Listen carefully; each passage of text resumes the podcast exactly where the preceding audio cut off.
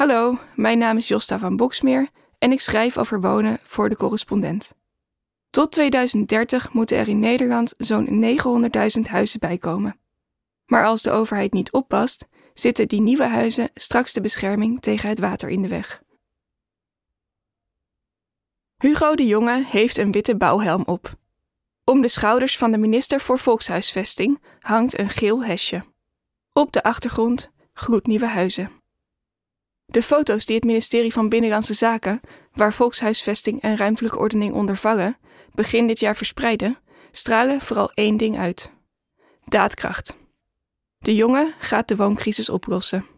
Het liefst, lijkt zijn opgetogen blik te zeggen, zou hij de stenen zelf op elkaar stapelen. Maar buiten het bereik van de camera's is het een ander verhaal. Daar erkent ook de jongen dat de grond onder veel van de bouwplannen drassig is. Behalve de wooncrisis heeft Nederland namelijk nog een ander, ernstiger probleem: het stijgende water. Van de ongeveer 1 miljoen woningen waar op dit moment bouwplannen voor zijn, zijn er 820.000 gepland op plekken die in de toekomst kunnen overstromen. Of waar de bodem zo sterk kan dalen dat huizen scheef zakken en rioleringen beschadigd raken. Dat komt neer op 85% van alle geplande woningen tot 2030. Als er niets aan de bouwplannen verandert, is dat vragen om rampen zoals die in Limburg vorige zomer. Nederland is als een zwaar beladen schip dat nog net boven de rivier uitkomt en het water dreigt over de rand te slaan. Maar is Nederland niet kampioen water buiten houden? Inderdaad, ons land is de best beschermde delta ter wereld. Als stijgt de zeespiegel tot het jaar 2100 met 2 meter, we kunnen het water buiten houden, verwachten experts. Er zijn ingenieurs die denken dat we een stijging van 3, 4 of zelfs 10 meter aankunnen. Maar in die scenario's wordt er geen rekening mee gehouden dat de stijging van de zeespiegel steeds sneller gaat en dat er dus minder tijd is om dijken te versterken. Bovendien heeft klimaatverandering meer gevolgen dan de stijgende zeespiegel alleen. Rivieren kunnen buiten hun oevers treden nu het steeds vaker en harder regent.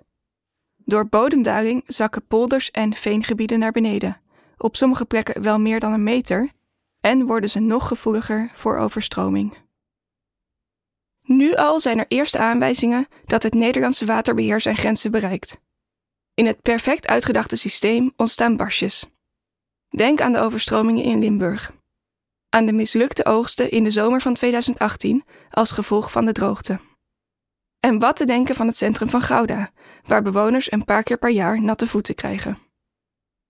En het ironische is, die kwetsbaarheid is juist veroorzaakt doordat Nederland zo goed is in het tegenhouden van het water.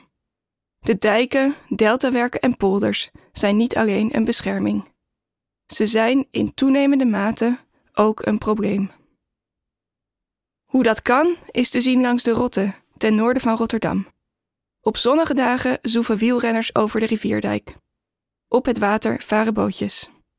Beneden spelen kinderen in de tuinen van oude, bakstenen huizen.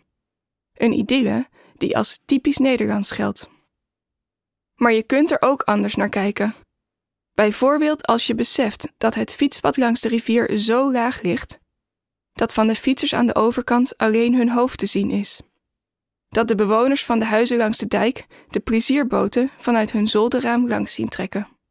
Het water van de langstromende rivier is veruit het hoogste punt in het landschap. En dat komt door ons, de mens. Ooit was de rivier het laagste punt in het moerasgebied. Het water stroomde, logisch ook, vanuit het veen de rotte in en van daaruit naar zee. Maar door ingrijpen van de mens is niet de rivier, maar het land het laagste punt. Dat begon al in de 13e eeuw, toen de moerasgebieden in het westen van Nederland steeds dichter bevolkt raakten. Steden als Rotterdam, Gouda, Den Haag en Amsterdam ontstonden.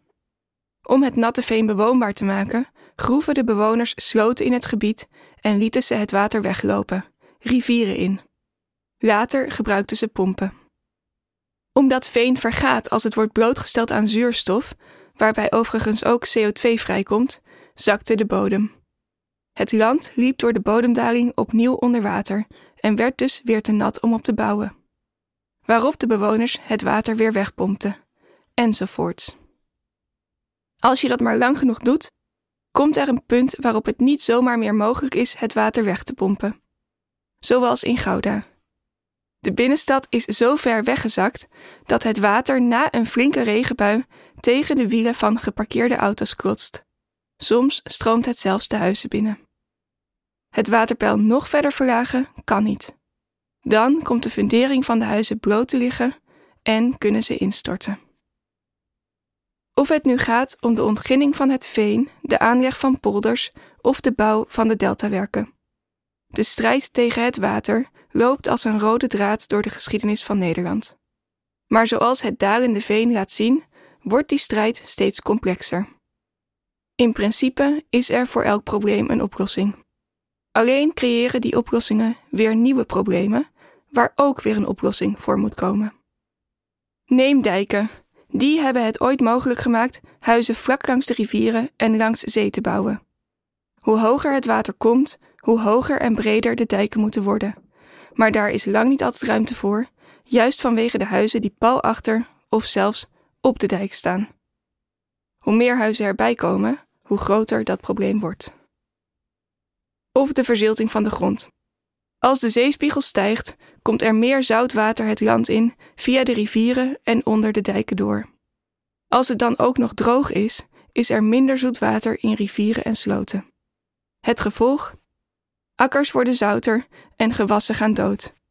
Boeren gebruiken dan zoet water om de sloten rondom hun akkers door te spoelen. Maar in een droge zomer concurreren zij met drinkwaterbedrijven en de industrie.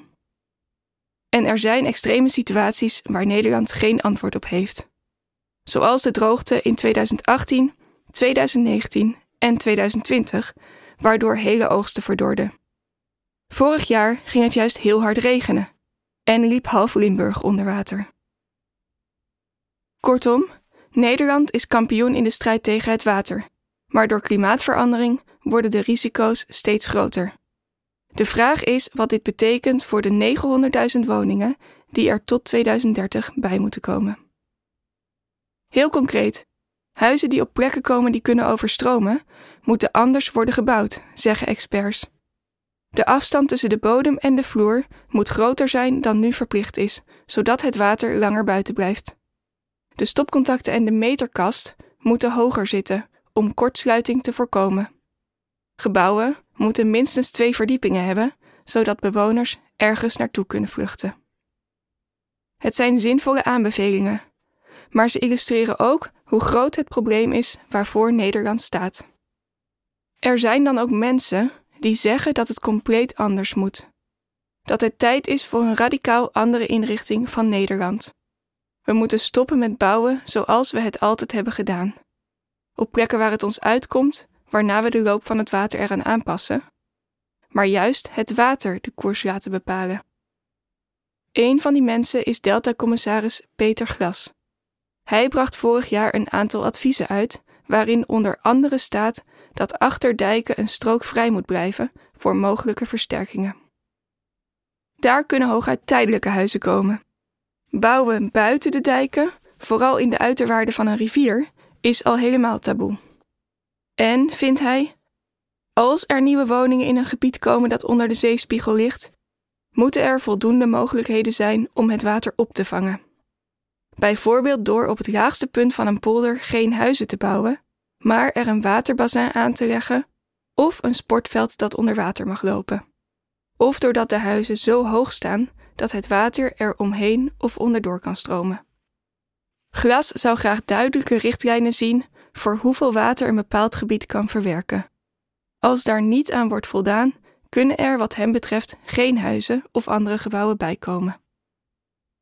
Er is een vraag waar Nederland niet omheen kan. Moeten er meer nieuwe huizen in het hoge en droge oosten van het land komen en minder in het westen? Het is nu eenmaal zo dat hoe hoger huizen staan, hoe veiliger ze zijn. Glas formuleert het zo: Op de lange termijn zeg ik: kijk of je niet een beweging richting minder kwetsbare bouwlocaties in gang moet zetten. Het water de koers laten bepalen, dat is makkelijker gezegd dan gedaan. Bouwen waar het water dat eigenlijk niet toelaat, is nu eenmaal een handelsmerk van ons land. Grote delen van de randstad liggen op kwetsbare plekken. Probeer alle woningzoekenden daar laat staan alle bewoners, maar eens te vertellen dat ze toch naar Almelo moeten. Om nog maar te zwijgen van de verschillen tussen de lokale en de landelijke politiek. Het zijn de gemeenten die over de bouw van nieuwe woningen gaan. En een wethouder die vier jaar aanblijft, wil vooral bouwen. Het drijft de waterschappen nu al regelmatig tot wanhoop. Zij moeten flink investeren om de woningen droog te houden die gemeenten op onhandige plekken laten neerzetten, vertelt een woordvoerder van Waterschap Rijnland. Er is dan ook een groep ingenieurs die niets wil weten van de plannen om Nederland anders in te richten. Onnodige bangmakerij, vinden zij, die bovendien schadelijk kan zijn. Als de overheid bepaalt dat inwoners van Nederland ergens anders moeten gaan wonen, kan dat uiteindelijk betekenen dat er minder wordt uitgegeven aan de dijken, dammen en sluizen op risicovolle plekken.